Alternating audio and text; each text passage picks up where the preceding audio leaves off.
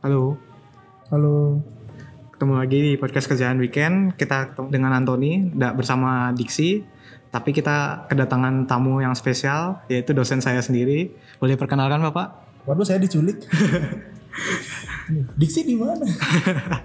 ya aduh. Oke, ah, selamat sore, pagi, siang, malam. Ah, ah, boleh di intro dulu, mungkin namanya, profilnya. Nama saya, nama saya Surya Mahendra, biasa dipanggil Surya. Ah, untuk profesi, umur mungkin.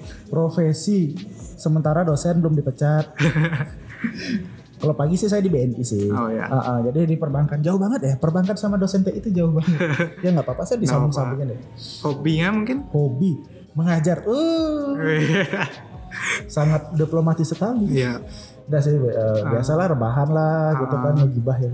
Oh, do- dosen juga malas berarti. Dosen itu ya kan dosen mantan mahasiswa masih kebawa malas malas harus dilestarikan itu. Mungkin sosial media apa yang bisa ditarik? Sosial media, WhatsApp. Jadi saya kan orang tua. Oh, iya. Nggak nggak bisa bisa juga dihubungin biasanya saya di IG ada Ah, at apa untuk? app Gede Mahendra, Golf Delta, Mahendra bisa di Oh ya. sana. Nanti bis, nanti saya pasang di deskripsinya Wis aja. mantap. Oh, yes. Terima kasih. Oke, di sini kita bahas antara dosen dan mahasiswa.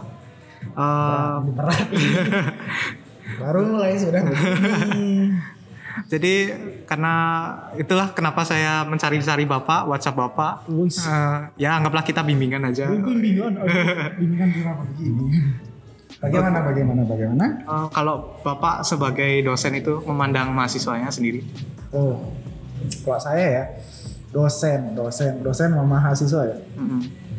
Wah, mungkin mungkin saya ada di antara perpecahan generasi ya. Kalau saya bilang perpecahan generasi seperti ini. Dulu zaman saya dulu dosen itu ya saya anggap tuh bener-bener dewa, bener punya stage yang lebih tinggi, ada hierarki gitu sih. Oh, Jadi bener-bener mahasiswa itu bener-bener harus menyerap ilmu dari dosennya. Ya. Heeh, jadi dosen bisa dianggap pinter, mahasiswa dianggap goblok gitu ya. Oh. Dulu ya, tapi Oh. begitu saya menekuni profesi ini, hobi ya sebenarnya hobi sih. Hmm. Saya saya ber- eh, punya prinsip eh, kita punya harus punya kegiatan satu bikin sehat, yang kedua bikin seneng, yang ketiga bikin kaya. Wah, Oh, kan nyari yes. duit ya kan sistem. Passion ya. Salah satunya untuk bikin saya kaya ya saya di bank sih. Oh. Kan dapat eh, income yang lebih banyak di situ. Oh. Baik. Kalau di dosen ini jelas-jelas bikin bahagia. Ya kan Hmm. ketemu mahasiswa. Jadi paradigma saya ketika saya harus mengajar benar-benar serius, urat saraf kelihatan marah-marah enggak sih. Oh. Dosen zaman sekarang 2020 nggak gitu lagi. Iya. Udah hampir setara lah. Iya. Dosen di mata saya pribadi sih. Saya nggak tahu sih dosen yang lain ya. Iya. Tapi kalau di mata saya pribadi dosen itu adalah orang yang lebih dulu tahu aja dari mahasiswa. Mm-mm. PR dosen adalah bisa membuat mahasiswanya tuh lebih baik. Lebih Uh-uh, Belum tentu kok dosen tuh lebih hard skillnya lebih bagus daripada mahasiswa belum tentu loh. Tapi tetap PR sebagai orang dosen adalah gimana caranya membuat mahasiswanya pinter. Satu pinter, yang kedua juga ahli gitu. Nggak hanya sekedar dia pinter-pinter bacot doang sih mahasiswa kan. mungkin lebih ke dosen itu gimana sih kayak memacu mahasiswanya. Iya betul, memacu mahasiswa, memberikan motivasi, Oh ya. memberikan jalan gimana sih real life-nya seperti apa gitu. Makanya seharusnya dosen tuh lebih relate ketika mahasiswa bisa tamat dari jenjang kuliah itu harus ready banget nih sama dunia luar kayak gimana nggak hanya sekedar teori-teori aja atau tambah bisa dengan chip enggak gitu. Lebih skill saya begitu dia dapat gelarnya bisa membuktikan sih gelarnya Hmm. dipakai Benar. gitu sih dosen harusnya bisa seperti itu. Oke, supaya listener relate eh, untuk Bapak background pendidikannya S1 atau S2? Nah, S1 saya nih SPD jadi pendidikan. Oh. Tapi pendidikan saya di bidang TI sih kebetulan. Oh, iya. Kemudian saya S2-nya di bidang komputer murni. Ah, Oh. Jadi saya S2-nya Nkom dapatnya. Oke, saya pura-pura nggak tahu aja sih. Woi, pura-pura. Eh, mata kuliah yang diajar oleh Bapak sendiri gimana? Mata kuliah saya random semua. Jadi eh, saya masih mencari sih apa di mana nyamannya, enaknya belajar, misterinya apa gitu kan. Tapi sebagai expertise saya di di DSS eh, Decision Support System di sistem pendukung keputusan yang saya tekuni. Selain itu juga saya ngajar bisnis berbasis teknologi, Kayak entrepreneurship lah modelnya. Kemudian Ah. juga saya ngajar uh, struktur data, pernah Ah. juga.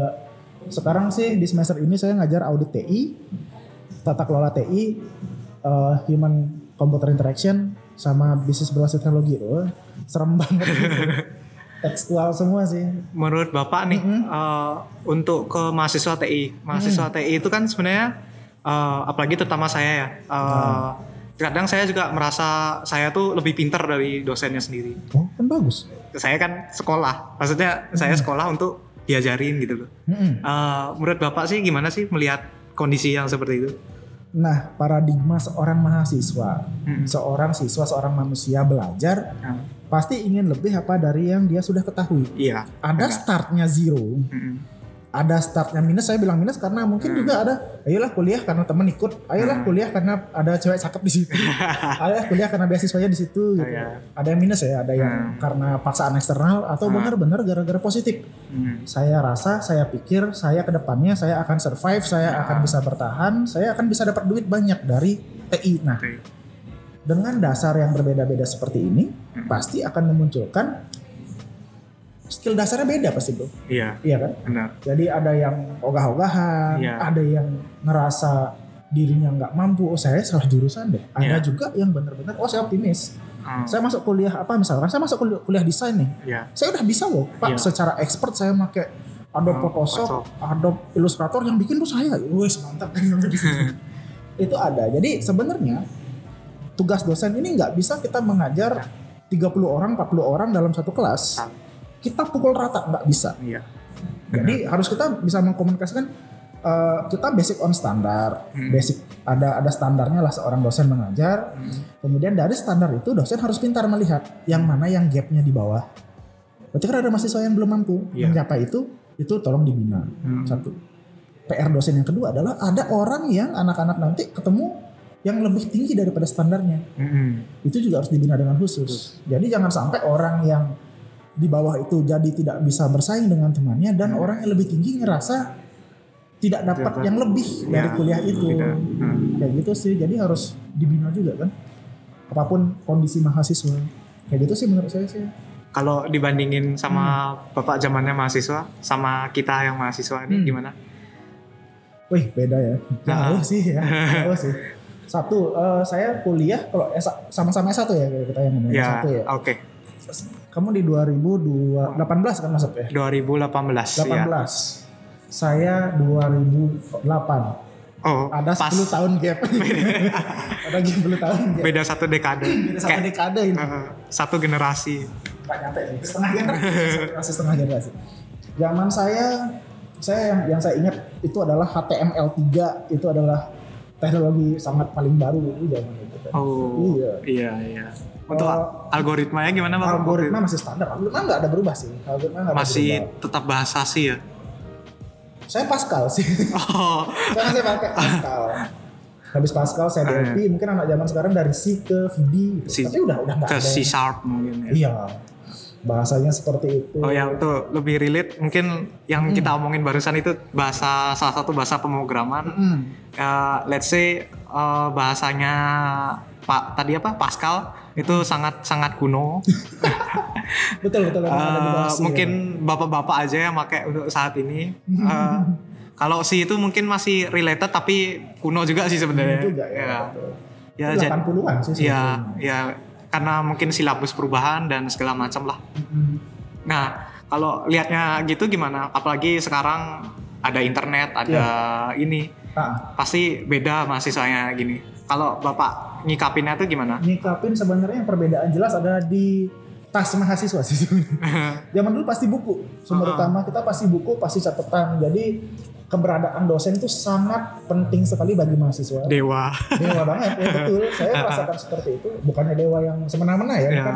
tapi eh, emang benar-benar sumber ilmunya Yes, ialah betul. beliau. satu-satunya Ya. sumber ilmu adalah beliau kalau Ya. beliau itu memberikan oh referensinya seperti ini baru kita tahu Iya. internet itu ada sih 2008 kok ada. Eh, tapi kayak masih yang, ah, zaman primary. susah. enggak iya susah Eh, orang kaya aja sih waktu itu kayaknya. iya itu Hmm. JPRS adalah suatu teknologi terbaru kan Iya kan zaman tuh HP masih susah, tidak Iya. ada zaman sekarang kan Nokia saya masih hitam putih waktu itu. Hmm. Jadi dosen satu-satunya sumber ilmu, sumber ilmunya bisa hanya memberikan buku dan kalau nggak kuliah itu sama sekali ketinggalan materi. Nggak Iya. ada kelas online kayak sekarang. Iya benar. Ngeblog pun masih Ah. susah. dulu. Mungkin kalau corona zaman dulu, Nggak apa-apa sih, nggak ada yang tahu. oh ya, Informasi nggak ada. mungkin lewat TV aja sih pak. TV ya masih. TV. Tapi mungkin nggak ada kelas online sih sekarang. Libur, online, libur, libur asli, total. asli, Bisa, asli libur. Bisa. Jadinya ya sangat jauh banget sih. Kemudahannya terutama kemudahannya. Jadi dosen nggak ada ya pelajaran pasti nggak ada gitu. Kalau sekarang dosen nggak ada, dosen bisa ngasih tugas, bisa video conference zaman sekarang sudah Iya. bisa minimal kelas online, tugas sama materi ada online, semuanya udah jauh banget sih kemudahannya. Tapi kalau esensi belajar sama, sepertinya tidak jauh berubah. Dulu sama sekarang esensi belajar masih sama, teknik Hmm, belajar iya, masih sama. Kemudahannya sih yang lebih enak sekarang jauh lebih enak. Ah, ah. Sumber data, Hmm, informasi. Sumber data, informasinya jauh lebih nyaman sekarang. Terutama sih masalah kecepatan internet ya. Dulu internet udah ada kok. Iya. Cuma kecepatan itu yang bikin kadang-kadang emosi duluan. Heeh. ya itu sih. Kalau gimana sih? Kan bapak nih ngip- ngipekapin ada mahasiswa bandel nih. Pasti kan beda nih kalau dari dulu dan sekarang. Dan Hmm. bapak tuh kayak anggaplah kayak generasi sandwich nih untuk dunia dunia perkuliahan ini. Ini gimana sih kan ada juga dosen yang masih old fashion dan kita yang apa beberapa dosen kayak bapak yang mungkin lebih ke anak barunya apa meh lebih modern lah istilahnya. Itu. Nah, itu gimana sih bapak kalau Wih. sikapnya yang ngelakuin tuh? Nah, dosen bandel nih. Eh dosen bandel. Mahasiswa bandel. Mahasiswa bandel, mahasiswa bandel. Bandel ini ngapain dulu nih?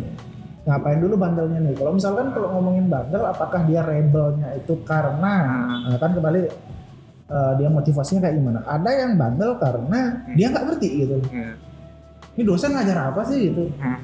Misalkan eh, kita kita zaman sekarang masih di Indonesia tuh masih wajib ngambil mata kuliah yang diberikan sama kampus kan? Benar, benar. Kita nggak ada pilihan lain kalau Hmm. ambil atau enggak ya kalau nggak diambil ya nggak lulus nggak nggak nggak bisa wisuda nggak bisa TA bisa skripsi gitu. Iya. jadi kita harus ngambil sesuatu yang belum tentu satu kita sukai atau kita kuasai Hmm. ada juga mahasiswa yang jadinya bandel karena dia nggak rasa butuh Heeh. anggap Iya. ya saya saya, saya Aha. ngomongin di IT ya Iya. ada mahasiswa yang pinter desain dan dia ngerasa dia nggak butuh jaringan Iya. tapi dia ngambil jaringan pasti bandel Heeh. karena dia nggak ngerasa butuh gitu ya itu artinya dosen kalau mau gampang sih pasrah Hmm. kalau mau gampang sih pasrah ya udah dia nggak butuh gitu kan tapi PR-nya dosen juga harus bisa menggugah anak itu untuk tertarik sama mata kuliah kita Iya. jadi siapa tahu anak jari anak desain nih nggak butuh jaringan dia Aha. pikiran dia nggak mau jaringan tapi kalau misalkan anak desain ini bisa masuk dalam jaringan berarti kemungkinan besar dia bisa jadi desain interior di mana interior desain dia itu ramah sama jaringan Hmm. pernah nggak lihat kalau ke mana-mana jaring kabel-kabel Kabel masih berantakan, Berantakan. ya Iya. kan Iya. itu kan justru butuh anak jaringan Iya. jaringannya butuh anak desain. Nah, di sini Nah. ada kolaborasi. Jadi kita sebagai dosen harus pinter-pinter membuat anak-anak kita tuh tergugah sih. Ada sisi lain loh di balik apa yang kamu nggak senengin gitu. Kalau bapak lihat nih, kan tadi Hmm. kita ngomongin uh, mata kuliah nggak seneng. Hmm. Uh, saya paling contoh yang relate ke saya Relate. di kampus kita uh, itu belajar akuntansi dasar Hmm. dan saya paling benci.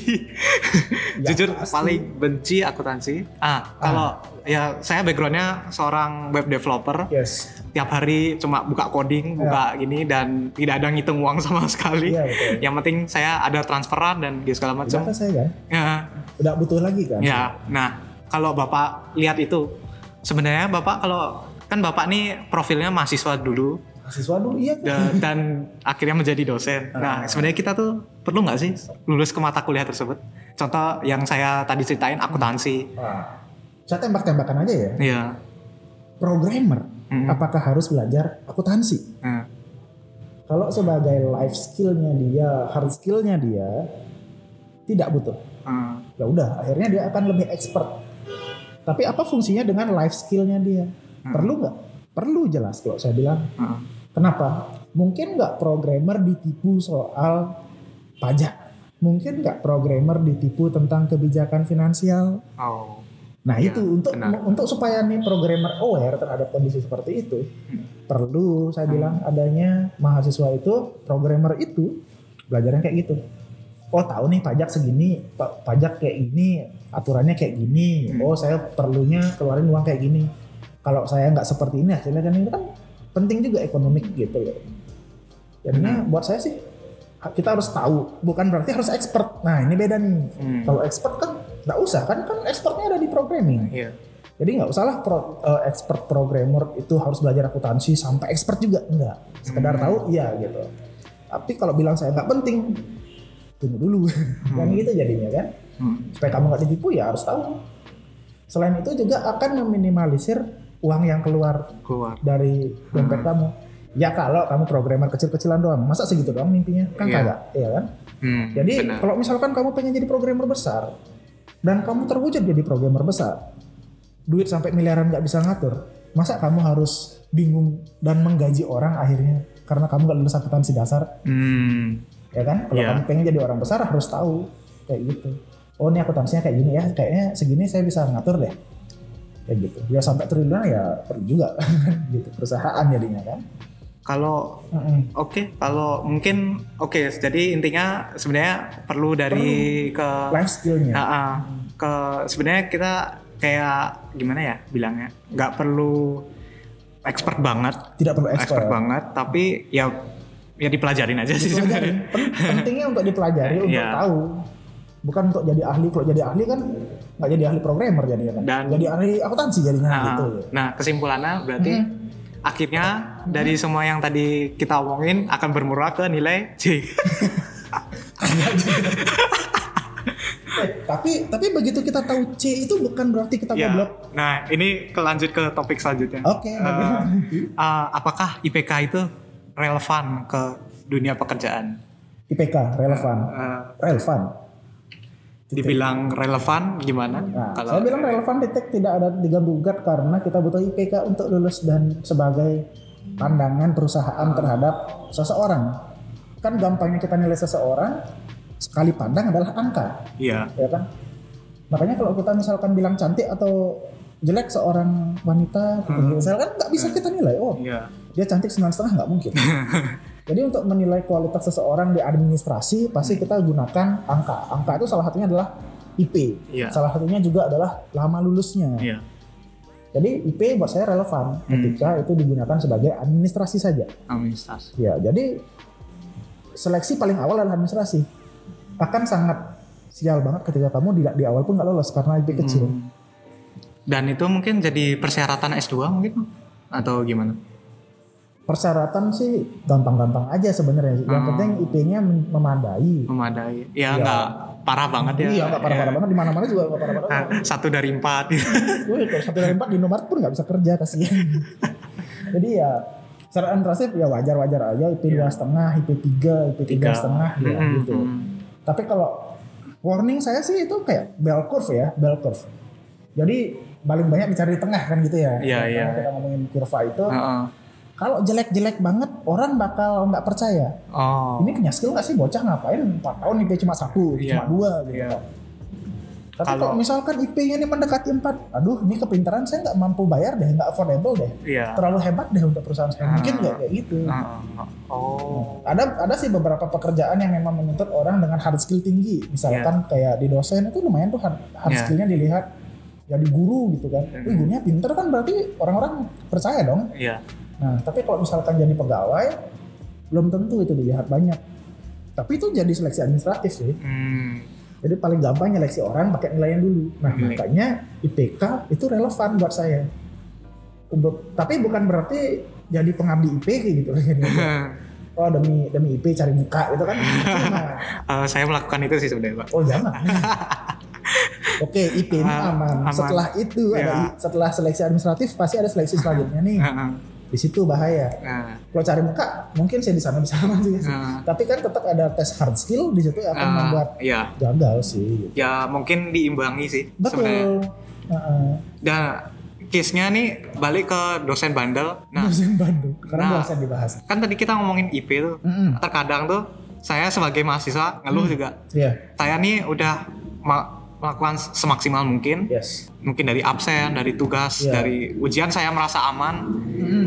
Saya nih nggak dapat IPK yang sesuai saya harapkan. Wah. Nah, kalau Bapak nih gimana sih? Kalau mungkin ini bukan semua dosen seperti itu, Ya, tapi pasti. Bapak gimana sih kalau lihat dari pandangan Bapak sebagai dosen? Lihat kita mahasiswa tuh. Masalah Kadang antara mungkin Bapak ngelihat seseorang nih, ah, aduh ku kasih kampret nih B atau C gitu. Itu apa sih pertimbangannya Bapak mungkin? waduh, kalau nyari objektivitas ya, Ya, bukan saya ya, Ya. objektif ya. ya. Mahasiswa mahasiswa pinter dikasih A, Mm-mm. mahasiswa kampret dikasih E, udah gitu. Hmm. Tapi kalau saya pribadi ya, saya pribadi itu nggak ada relevansi antara nilai Hmm. sama keilmuannya dia, ke, ke skillnya dia. Gitu. Hmm. Maksudnya bukan berarti nggak ada hubungan, tapi nggak ada eh, hubungan yang selalu naik gitu. Eh, relevan. Nggak relevan. Misalkan kayak gini, kamu bisa ngasih mahasiswa, ada dosen nih, Hmm. eh, dosen apa, ngasihnya justru jelek gitu. Iya. Kenapa dia ngasih jelek? Di luar sana itu tuh persaingan keras. Kalau segini aja kamu nggak bisa, gimana? Segini aja skillmu saya kasih nilai bagus. Begitu kamu tamat, kamu nggak bisa apa-apa. Malu saya. Ah, Ada yang dosen seperti itu, real life banget dipakai dia. Oh. Atau enggak, dosennya santai ya udahlah. Yang penting kamu dapat IP besar. Heeh. Kemudian kamu bisa nyari kerja bagus di sanalah kamu nyari skill. Iya. Itu ada pandangan banyak banyak hal sih. Hmm. Tapi sebaiknya kita lihat dosen seharusnya objektif. Iya, benar. Nil orang sudah bekerja keras. Saat satu, satu saya saya nggak ada di final mark nilainya 90 dapat apa enggak sih? Iya. Saya selalu lihat dari gimana usaha seseorang. Hmm. Orang kadang-kadang bukannya gimana sih mahasiswa tuh eh, saya suruh misalkan tugas review jurnal ya gitu. Iya. Ya gitu. Ada beberapa anak, Pak, mohon maaf saya review jurnal bahasa Inggris Hmm. tapi pakai Google Translate Hmm. Dan bahasa bahasa translate-nya hancur luar biasa. Hmm. Tapi saya bisa berani ngasih dia nilai lebih gede daripada orang yang review jurnal bahasa Bahasa Indonesia. Indonesia. Karena apa? Effortnya lebih gede. Effortnya lebih besar. Padahal hancur, eh, hasilnya lebih hancur. Iya. Karena ber- ya gitu. Hmm.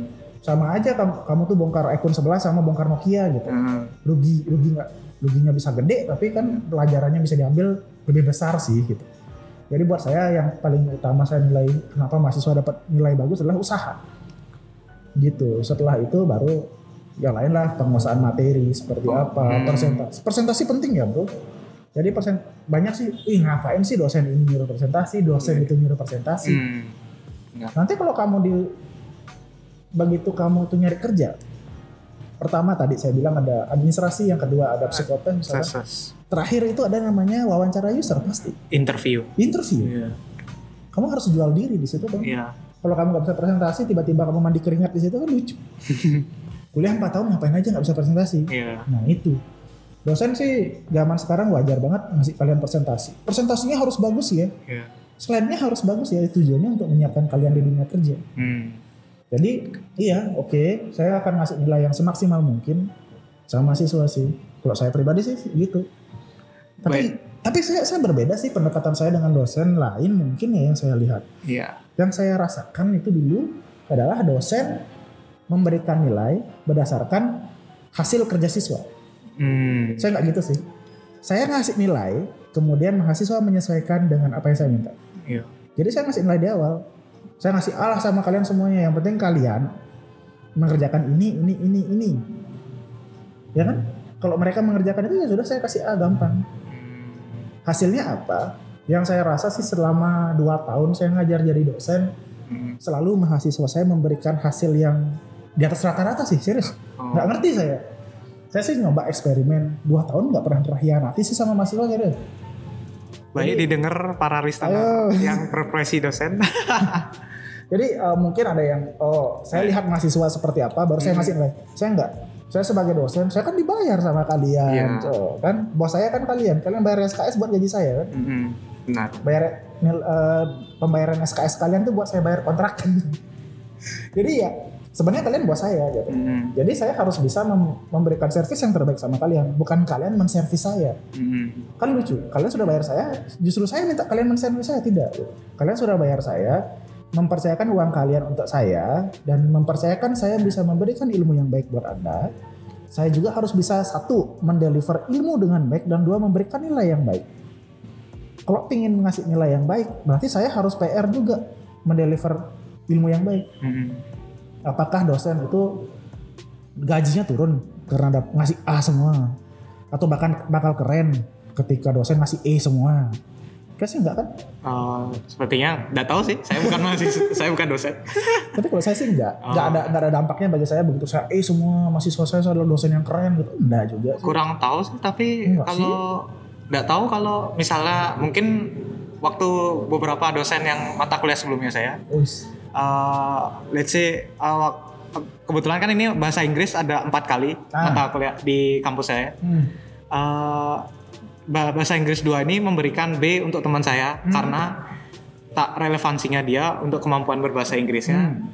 di bahasa Inggris 3 kan mungkin nanti bahasa Inggris 3 di bahasa Inggris 3 bisa Ah. dipertanyakan nilai A-nya itu Oh, gitu. kalau dia relevansinya seperti itu. Hmm. Itu sebenarnya apakah benar atau gimana Bapak?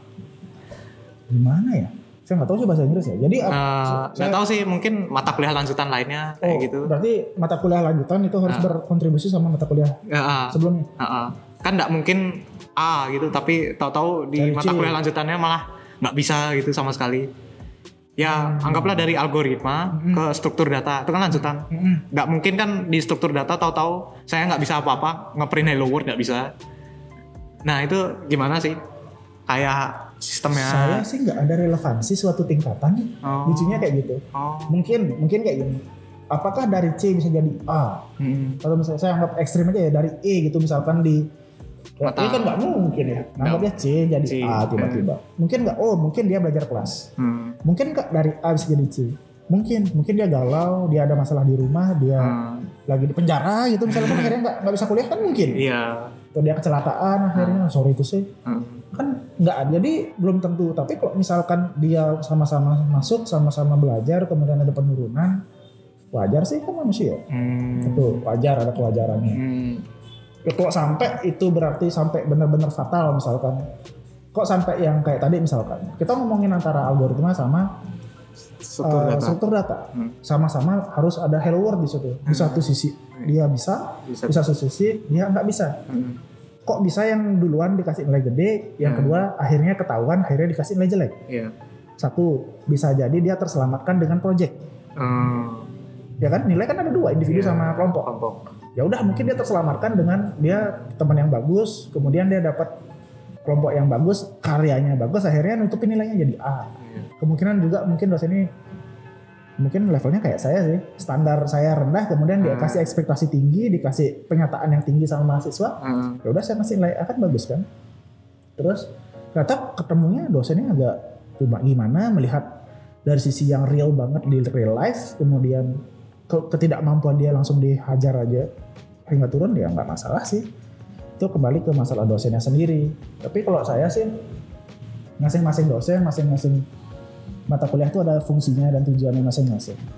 Kalau ada seorang yang tidak perlu sama mata kuliah itu, dia kan nggak peduli dikasih nilai C pun nggak masalah. Yang penting kayaknya nggak masalah Hmm. gitu. Saya seorang anak jaringan misalkan, Hmm. misalkan. Saya dapat programming C ya bodo amat. Iya. Gitu. Saya masih bisa hidup dari skill saya di jaringan. Iya. Nah, kayak gitu. Kalau misalkan orang programmer justru di masalah programmer dia dapat C, Hmm. satu sisi dia akan berpikir bener nggak sih saya menempatkan takdir saya di programming atau justru yang kedua oh saya kelihat kerasa di bidang ini saya jelek saya akan improve lagi atau ketiga oh saya emang jelek nih ya udah nyerah Hmm. kayak gitu mungkin saya programmer mimpi saya ikut ikutan orang kayak Hmm. gitu sih buat saya jadi kembali ke dosen lah kembali, Kembali ke ke mahasiswa saya. tidak ada relevansi oh tiba-tiba dia pertama bagus tiba-tiba jelek Iya. kan wajar. Wajar. semuanya kayak gitu saham Iya. juga naik turun kan nggak terus Jadi harapan saya kayak gitu sih Harus lanjut aja ke topik selanjutnya ya. Eh, kan tadi ngomongin udah ke kita mahasiswa, terus ada yang kerja programming. yes Kalau Bapak tanggapannya gimana sih? Kan saya mahasiswa bekerja nih. Korporat. Oh sesuai nama gininya kita, deskripsinya podcast kita. Apa itu? Mahasiswa budak korporat dan anak yang berbakti orang tua. Wih, nggak berbakti sama. Eh, saya masuk semua ya. Saya budak korporat, iya. Dosen, iya. Hmm, Enak berbakti sama orang tua, iya. Iya, sempurna. Sempurna.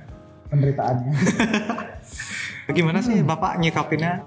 Mungkin ada sih teman-teman mungkin sekarang galau mungkin udah bekerja terus mau ngajutin pendidikan kayak males. Iya.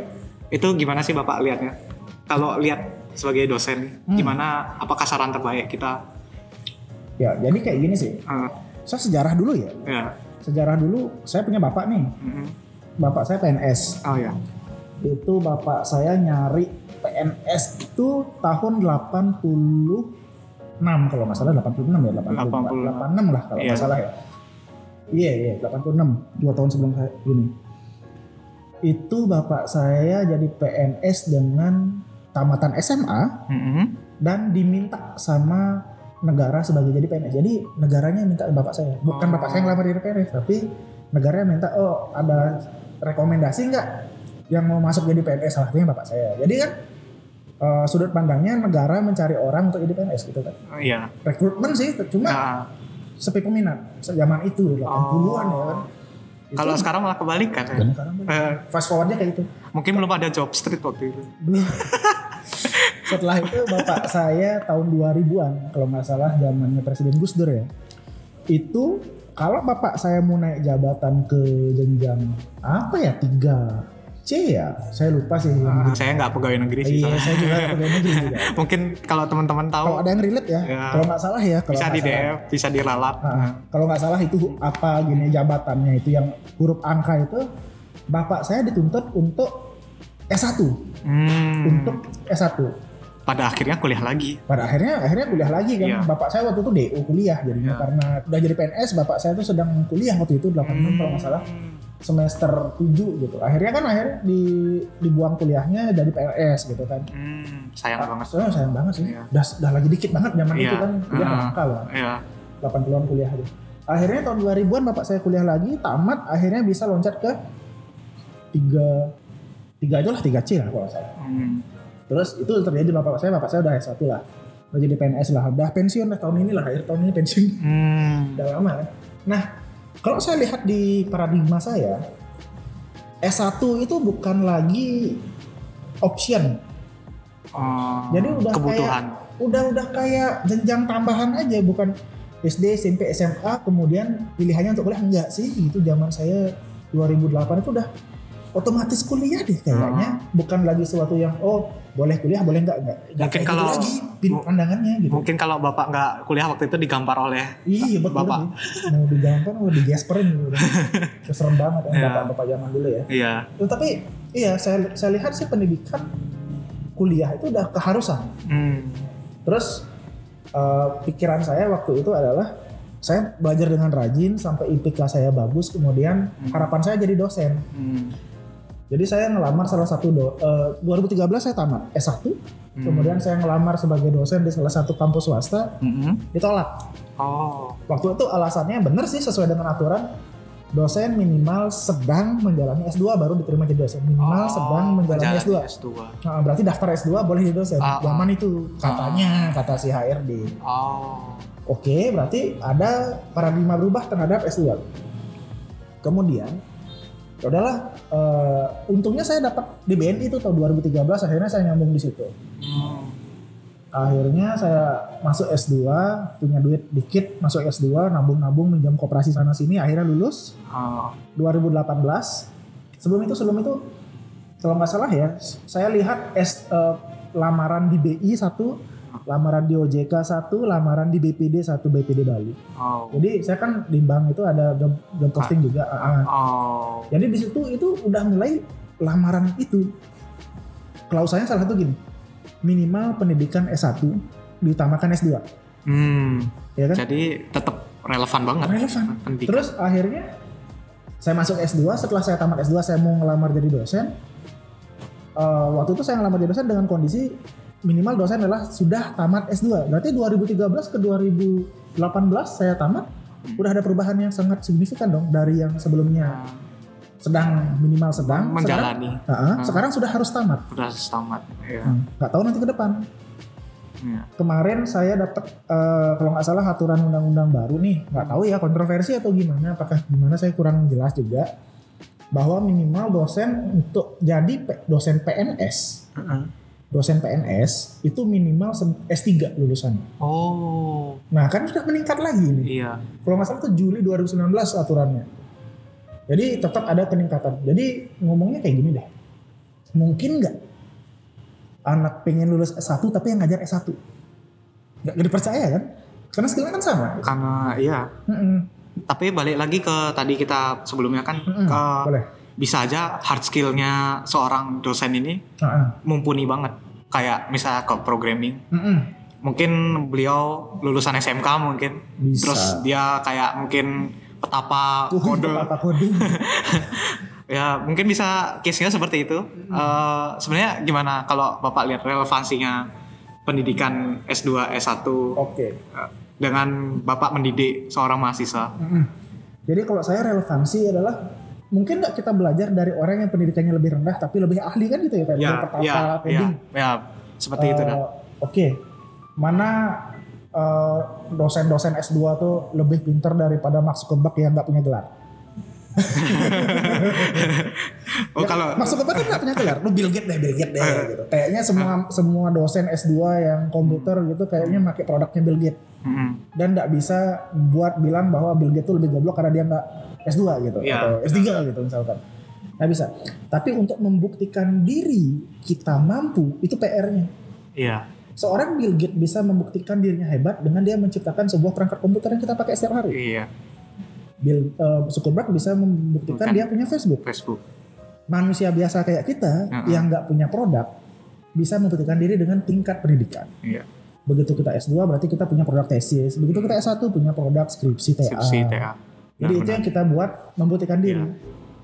Gitu. Kalau misalkan kamu sudah bisa membuktikan diri sebagai orang tanpa kuliah, tanpa, Tanpa- sekolah, iya sudah berhasil ya itulah pembuktiannya. kadang kan sering Hmm. kadang ada kayak kata aduh buat apa kuliah nggak berguna Hmm. eh, buang-buang waktu seperti itulah Eh, sebenarnya pada dasarnya kita eh, kalau memang buang-buang waktu Hmm, eh, apa yang kamu korbankan untuk waktu tersebut Iya. nah oh deep banget Eh, jadi kayak. Eh, intinya gini loh. Eh, saya, poinnya saya tuh maksudnya kalau memang kamu buang-buang waktu, apa yang kamu korbankan untuk kuliah tersebut? Iya. Sebenarnya kayak kita bilang kayak bapak tadi dah pembuktian itu. Iya. Apakah bisa kita membuktikan sesuatu tanpa kuliah?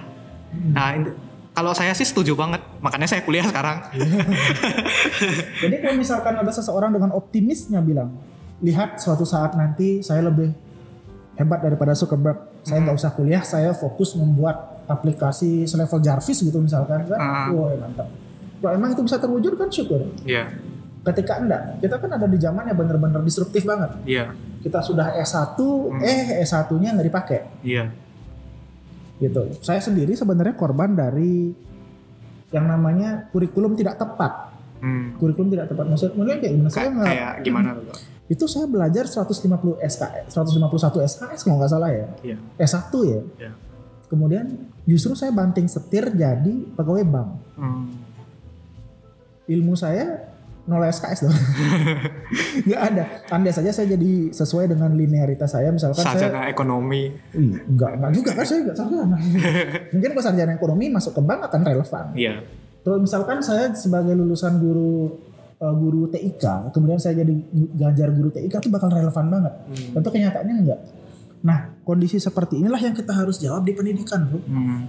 Jadi jangan sampai orang tuh juga ngerasa sia-sia kuliah, kok saya sia-sia ya belajar Iya. ratusan SKS. Apalagi Begitu saya kerja kok nggak dipakai sama sekali pendidikan saya. Itu juga PR sih dari ini. dan sering kejadiannya tuh yang biasanya lulusan SMK seperti saya eh di mana di kuliah itu kita belajar ulang lagi sebenarnya Betul. Eh, ya sebenarnya nggak ya nggak apa-apa sih review ya kalau saya anggap sendiri review mata kuliah Mm-mm. tapi kalau bisa dibilang ya itu eh, definisi buang-buang waktu ya Iya. yang bisa dibilang karena ah. eh, kita masih yang belajarnya dosen itu mungkin ya Ya. masih pukul rata terhadap suatu standar. Mm-mm. Jadi anak SMK input input kalian di komput di jurusan komputer misalkan itu kan nggak hanya sat, eh, mono- monoton gitu.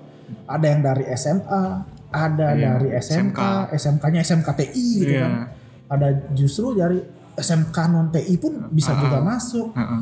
atau dia S- SMA sekedar lulus kan banyak banyak Hmm. bisa masuk ke sana. Nah, di sini ya terjadi gap kayak gitu tadi saya bilang di awal. Nah, Nah, jadinya ngerasa bagi orang-orang yang sudah punya skill di awal, sudah belajar coding di awal, belajar jaringan dengan intensif udah sampai bisa bikin robot kita di SMK kan ada yang kayak gitu kan iya, fasilitasnya. benar, benar, benar. Itu ngerasa masuk ke kuliah seperti itu buang-buang waktu. Ya Iya. wajar karena standar kurikulum kampus itu tidak bisa memadai orang seperti itu. Justru coba dipikir orang yang nggak pernah megang komputer sama sekali tiba-tiba ngerasa dia kan kan ada juga yang kampus oh kayaknya ke depan komputer itu bakal ngetren deh Iya, kayaknya saya bisa ambil bagian mendapatkan rupiah dari komputer deh iya, mungkin dia akan tiba-tiba belok banting setir masuk komputer gitu. Iya, benar. itu yang akan justru kelihatan banget gapnya. Yap. komputer kok gini amat? Saya kira Iya. ngetik 10 jari. Eh, Microsoft of Microsoft Ex- Office. Ya dapatnya bikin bikin web. oh bikin program Android apa gitu. Buka Facebook aja nginstal masih nanya temen gitu. Bikin email bikin bingung. email masih bingung. Ya itu gapnya. Jadi Hmm. bagi anak-anak SMK yang sudah pro lah di bidang Hmm. IT kemudian masuk ke kampus IT tapi tidak terdapat tidak dapat yang lebih kan ada cara yaitu satu konsultasi dengan dosen lebih intens. Yang kedua belajar di luar kampus. Hmm. yang ketiga dengan UKM siapa tahu ada UKM yang oh, UKM programming nggak tahu saya ada atau enggak gitu. Model UKM jaringan nggak tahu saya ada atau enggak Ah, tapi bisa nyari ilmu lebih di sana. Mungkin kalian akan datang ke kampus kemudian kalian belajar kalian bisa jadi lebih pinter dalam kondisi angka kan? Mm-mm, tapi benar. dalam segi life skill kalian akan ngerasa kalian nggak berkembang nah ketika kalian ngerasa nggak berkembang bisa komunikasi dengan dosen siapa tahu dosen punya proyek ikut gitu siapa Ya. tahu dosen punya perusahaan bisa magang membuka Ah, koneksi nah buka koneksi juga Ah. terutama di sini dan Jadi, ah, ah, eh, boleh saya potong. Boleh, Eh, silakan. kalau saya sendiri sih, kalau manfaat saya saya kuliah sendiri sih karena kuliah ini full of teori. ya eh, saya sendiri lebih paham ke dari bidang keteoriannya sendiri. Jadi Hmm. kayak saya mendesain suatu sistem informasi, Hmm. eh, membayangkan bagaimana alur kerja pemrograman sesuatu itu. Hmm. Jadi lebih paham sih. Ya kalau dibilang bandingin saya dari sekolah SMK terus saya petapa coding gitu, Tuh. mungkin saya ya stagnan aja jadi kuli-kuli coding juga. iya Eh, dan kuliah tuh juga nggak selalu, apalagi kuliah TI, kalian mikirnya mungkin belajar pemrograman sampai dewa gitu. Hmm. Kalian bikin robot, nggak juga sih. Di kuliah juga belajar soft skill, Iya, akuntansi. Akuntansi. Biar saya benci akuntansi. Iya. Jadi sebenarnya esensi kita belajar itu nggak hanya Mm-mm. meninggikan skill kita dalam satu bidang saja. Mm-mm. Kita juga punya bidang yang lain yang juga kita harus aware lah. Kita kita harus tahu lah. Akuntansi penting juga. Mm. Ya kembali ke tadi Ya. anak anak SMK yang udah terbiasa dengan IT-nya yang sebegitu hebatnya masuk ke dunia IT yang segitu juga nggak akan membuka wawasan sih. Mm. Istilah kondisi sosial akan kalian manfaatkan dengan baik. Iya. kan berarti kalian akan dapat gap yang lebih nyaman Iya. kuliah. Di sini kalian bisa gunakan untuk organisasi, gunakan untuk nyari koneksi lah. Nyari koneksi bukan berarti jelek ya, jangan Hmm. bilang KKN lo ya. Iya. Koneksi itu adalah orang yang akan membukakan jalanmu lebih baik daripada orang yang tidak punya. Ya. Ya jadi misalkan eh, kalau kamu terekspos dengan kondisi eh, di kampus adalah orang yang benar-benar pro sama programming, Iya. tapi kamu nggak membuka diri. Iya. orang lain ada orang yang programmernya mungkin standar-standar aja dia ngobrol sama orang banyak kemudian salah satu dari teman dia itu punya lowongan kerjaan Iya. multinasional multi internasional coba pikir yang dapat yang pinter tapi diam atau yang biasa aja tapi ngobrol Kembali ke case-nya sih. Iya. Karena sebenarnya di bisnis paling mahal itu kan sebuah kepercayaan. betul Nah, di sini ada komunikasi sehingga Ya. kadang-kadang di situ punya ada opportunity sih ya nah di situlah harus dipergunakan waktu kuliah itu dengan baik sebaik mungkin. Betul. Ah. Jadi bukan buang-buang waktu gimana caranya mengoptimalkan waktu yang ada Ah, baik itu dari kan saya nggak mungkin sih kalau memang kalau ngomongin optimal. Ya kamu harus fokus kuliah nyari nilai yang bagus. Ah. mutusin pacar. Enggak anjir. Ah, Ak- sayang aku mau fokus kuliah. Itu artinya kamu jelek. Jadi ya harus belajar optimal sas. Gimana caranya belajar dengan optimal Hmm. baik itu belajar hard Iya. skill soft skill eh, baik itu komunikasi skillnya itu juga ditingkatkan pengetahuan yang lain juga. Jadi kembali ke tujuannya apa sih kita mau apa yang kita kejar ke kuliah itu Iya. sendiri iya betul Eh, misalkan kalian udah mampu udah oke lah Mm-mm. mungkin kalian punya orang dalam temennya MIT mungkin mantap. Eh, ya bolehlah persilahkan Iya. saya apa dengan setuju kalian DO kuliah. Iya. Tapi habis yang- tuh habis podcast ini dipublish tingkat DO meningkat ya enggak gitu juga ya tapi Hmm. kalau di pandangan saya sih Mm-mm. bukan bu, pendidikan itu enggak hanya sekedar mencari angka kalau misalkan men- sekedar kamu mencari angka kemudian Mm. ujung-ujungnya jadi nggak pulang-pulang dari kampus ujungnya jadi penjilat dosen nggak ada gunanya sih iya tapi juga pendidikan ini juga ada dari satu komunikasi gitu kan Iya. gimana caranya kita bermusuhan Ah, bermusuhan gitu. menyelesaikan Bermusuhan. masalah menyelesaikan masalah Iya. ngajarin bermusuhan gimana caranya kalian hubungan renggang jadi deket gitu Hmm. kan jadi ya communication skill juga dilihat. Punya ada opportunities kita berhubungan dengan orang yang levelnya berbeda kan? Mm-mm. kalau kita di SMA di SMP kita berhubungan dengan guru tuh benar-benar hierarkinya itu adalah profesional sama objeknya Hmm, aja gitu. Iya. jadi guru sama murid habis gitu. Habis, tapi ketika ngomongin kuliah kuliah. memang sih di di, di Di- kampus akan ketemu dosen mahasiswa. Ah. tapi itu bisa lebih gitu Mm-mm. bisa jadi itu adalah klien sama uh, bosnya Bosnya. apakah itu jadi uh, orang yang punya ilmu sama orang yang mencari Nah, ilmu oh, ya.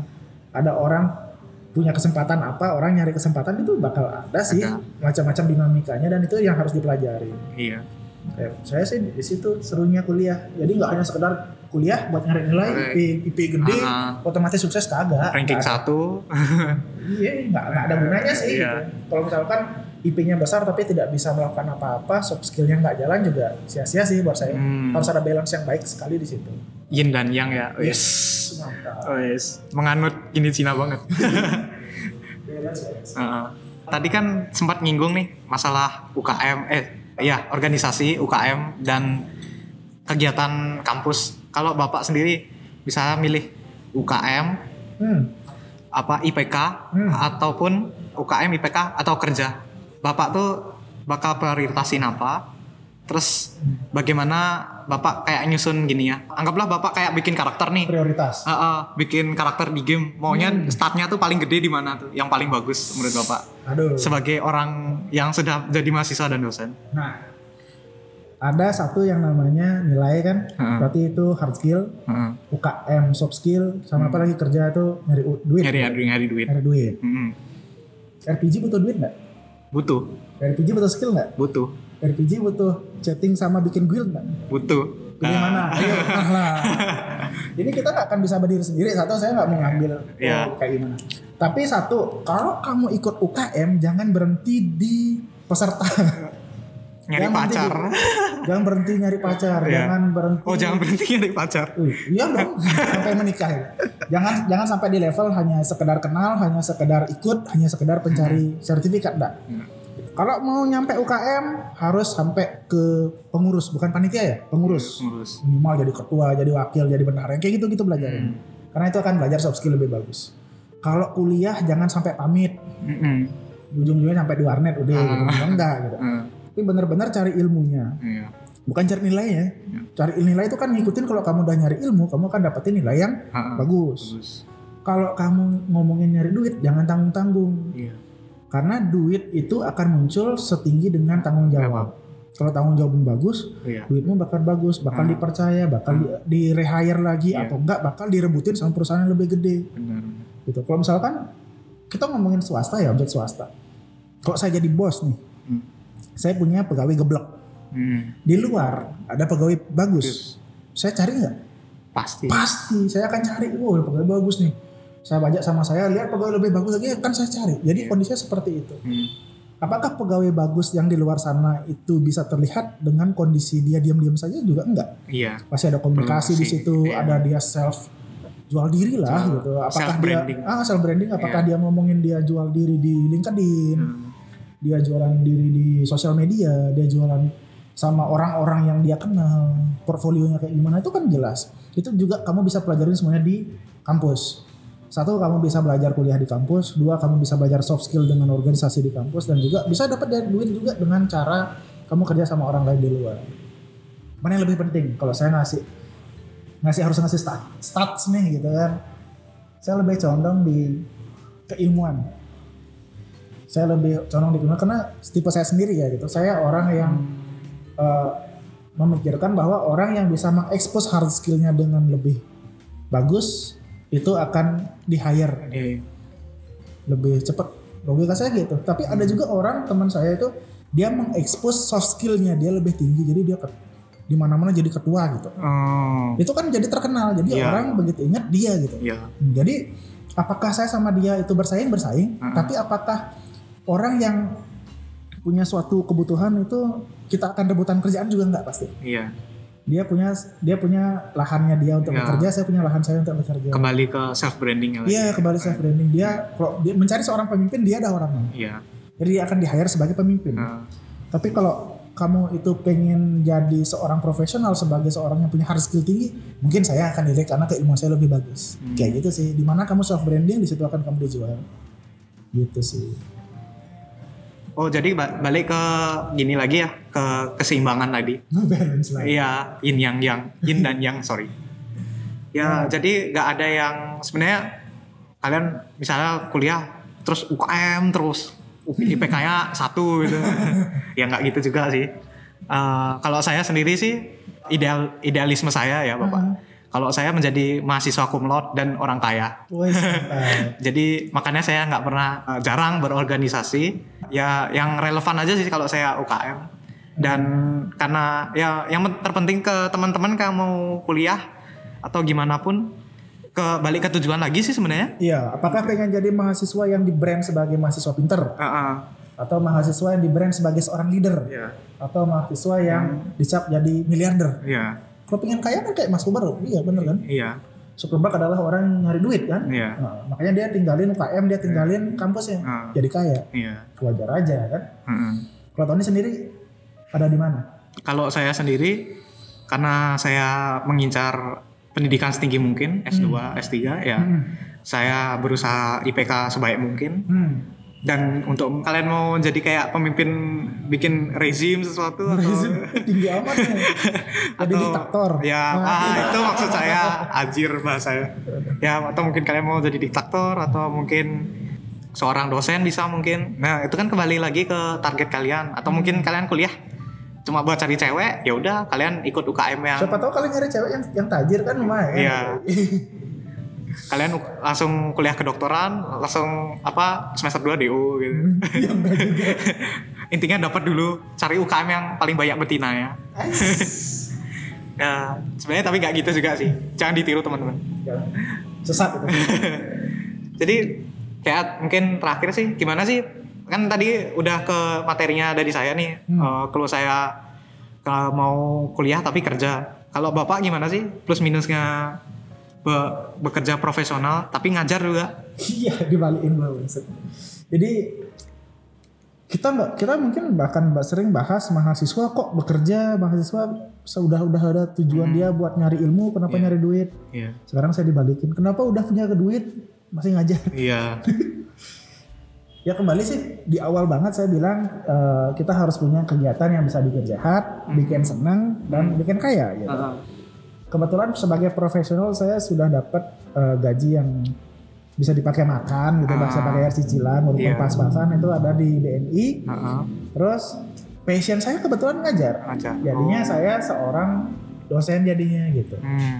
Tapi melihat dosen-dosen lain biasanya Hmm. seorang dosen itu juga punya kerjaan lain. Apakah dia linear profesionalnya? Misalkan dosen IT dia punya kegiatan di luar itu jadi IT konsultan, jadi programmer, jadi tukang jaringan, Iya. jadi pemimpin eh, jual beli komputer Iya, lah iya. gitu. Ada Iya. atau juga mungkin ada yang nyeleneh banget itu bisa gitu. Misalkan dia ngajar komputer tapi dia di luar safe gitu. Bisa jadi loh. Bisa jadi, jadi.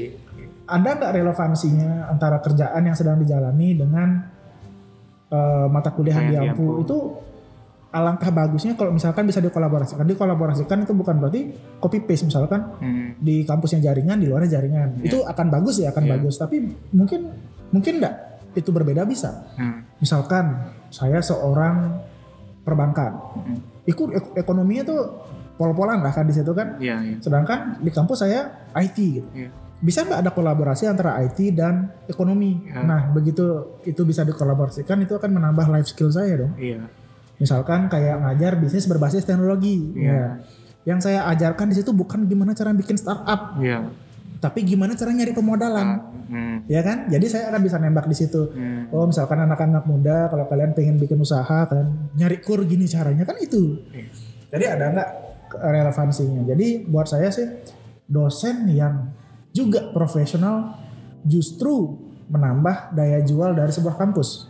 Dosennya profesional sehingga diharapkan dosen itu juga bisa membawa anak buahnya dari kampus itu bisa masuk ke korporatnya dia Iya. dengan rekomendasi yang lebih bagus. Bagus, ya. Harapan saya kayak gitu sih bagi dosen-dosen di luar sana Heeh. yang profesional juga ajak juga anak-anak buah yang di kampus ikut nyicipin gimana rasanya kerja di korporat, gimana rasanya jadi eh, gimana caranya kalian juga membagi rezeki Oke, yang ada di profesional itu Hmm. bagi anak-anak yang justru mungkin bisa jadi side gig juga di tempat profesional kan. Wih, Hmm. kalau misalkan saya deh, misalkan di bank gitu, di bank saya butuh orang IT, ya pasti akan saya rekomendasikan anak-anak saya dong, Iya. gitu. Jadi bukan hanya satu perusahaan dapat pilihan mahasiswa terbaik, juga dari siswanya akan dapat tempat kerja yang terbaik. Jadi itu ada simbiosis yang bagus banget gitu. Iya. Jadi seharusnya sih dari pihak kampus tidak hanya nyari dosen yang pintar ngajar juga, Ya.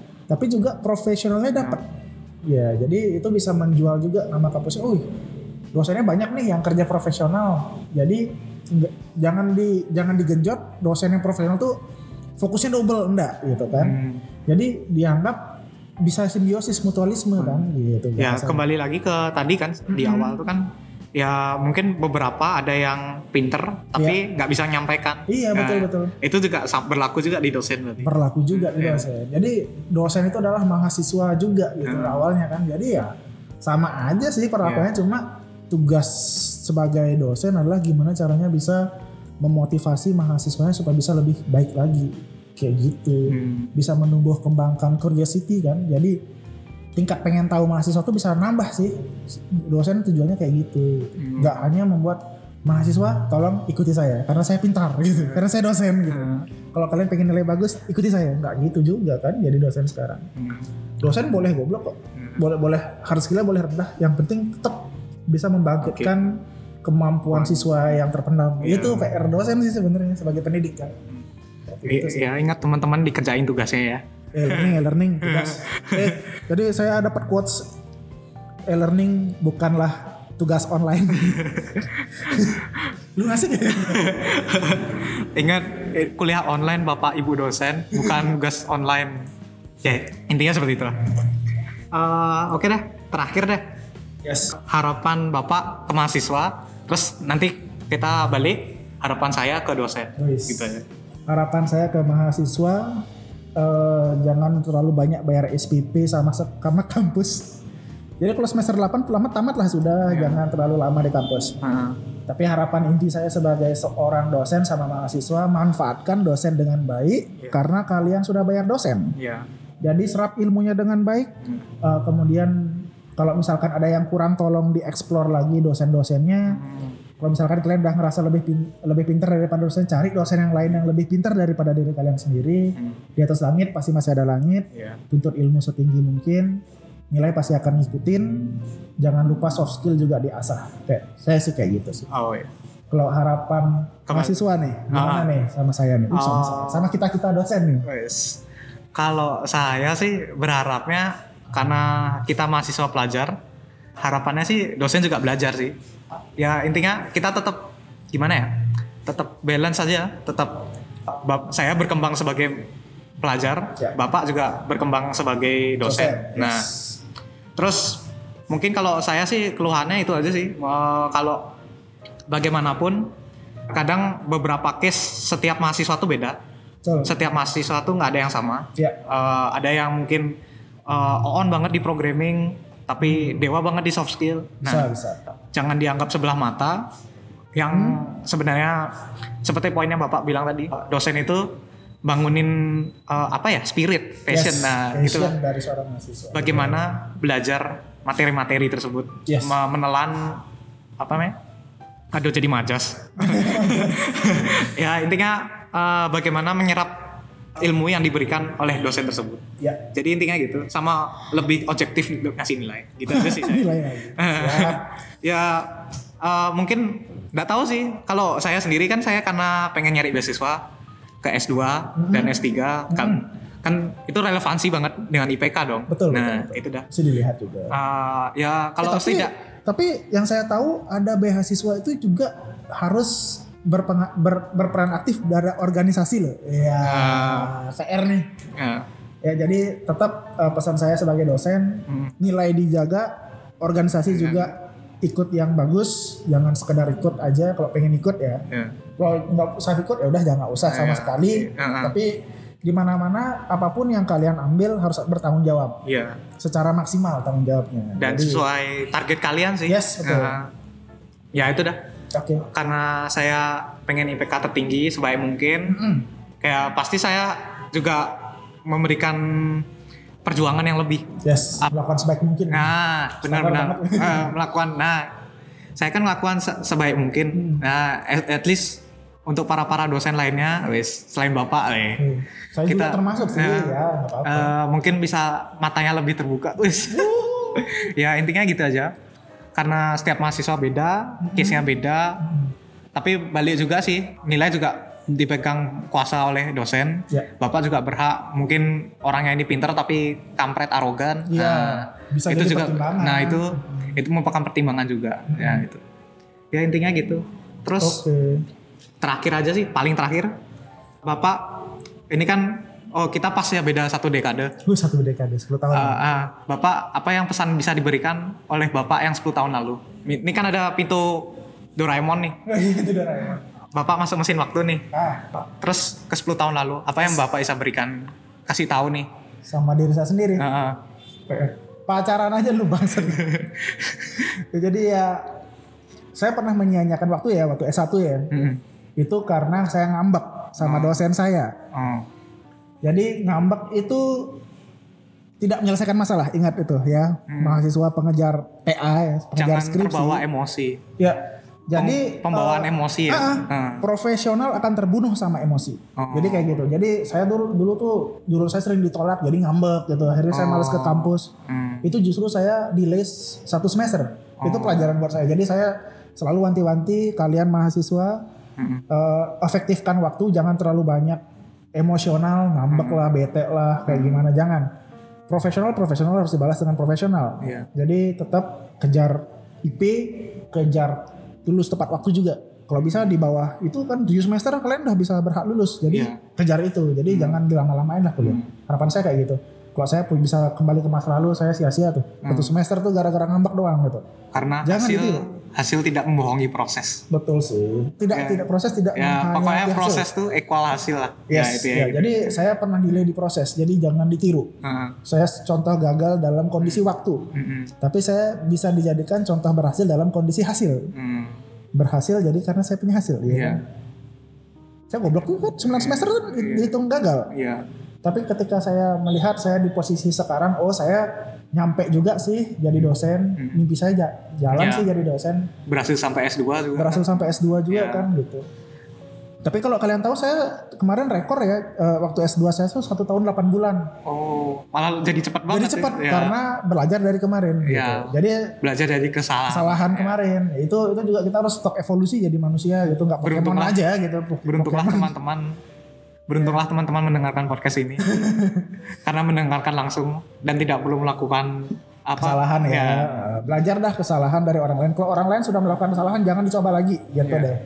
Jadi saya ngaku sama kalian saya nggak munafik ya. Hmm. Saya tuh gagal loh. Saya 9 semester baru tamat walaupun IP saya bagus. Hmm. Tapi 9 semester gitu.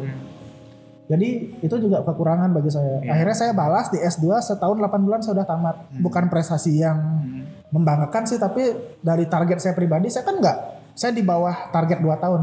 Oh. Jadi saya cukup bangga dengan pribadi. Mungkin di luar sana banyak yang Yang satu tahun udah tamat itu mungkin mungkin ada gitu mungkin ya. ada. Hebat lah itu. Heeh. Dan tapi sebagai target pribadi yang saya targetin 2 tahun, saya setahun Hmm. 8 bulan udah tamat, itu rasanya kebanggaan tersendiri melihat kemarin yang targetnya 4 tahun jadi empat setengah tahun gitu. Iya. Jadi saya ngerasa bangga banget. Jadi harusnya bagi teman-teman mahasiswa itu tetap dikejar baik itu kualitas ataupun kuantitas IP-nya gede ataupun kualitas belajarnya bagus Iya. atau sampai lulus tepat waktu atau bisa Iya. lagi di bawah empat tahun luar biasa deh gitu. Iya. Saran saya seperti itu aja. Jadi ke lebih ke pembawaan diri Yes. dan gimana sih kalian tetap gigih ke targetnya Ya, sesuai tujuan. Betul. Oke. Terus seperti Siap. Itu aja. itu saja. Ah, baik, Terima kasih. Oke, terima kasih teman-teman. Eh, kok terima kasih teman-teman. Terima kasih Bapak Sama-sama teman-teman. atas waktunya. Ah, Terima kasih juga buat mendengarkan. Kamu Ah. sia-siakan waktu. Eh enggak juga. ya. Ya mudah-mudahan ada yang bagus-bagus bisa diterima, yang jelek-jelek mohon di delete. Ini nggak bisa diedit ya. ya nanti saya edit sih Bapak. ya jadi ya mohon maaf kalau misalkan ada kata-kata Ah. yang tidak berkenan, kata-kata kasar yang saya memang sengaja. Uy. Jadi ya Ah. harap dimaklumi kita Hmm, ambil kita- hikmah positifnya. Ah. Kadang-kadang juga saya keceplosan. Hmm. Biasalah dosen bangsat kayak gini ya mati aja. lah. Barusan Bapak ngelakuin. Oke, kita juga kritik open kritik saran kalau bisa DM saya langsung atau mungkin DM Bapaknya langsung nanti saya taruh di deskripsi semua. Oke. Eh, untuk semua teman-teman tetap stay healthy, lekas sembuh untuk penderita corona mungkin. Ya intinya tetap jaga-jaga, tetap kerjain tugas kuliah kalian Yes. dan learning, learning. dan sesuai sesuaiin dengan target kalian lagi. Terima kasih teman-teman. Bye. Ciao. Dadah.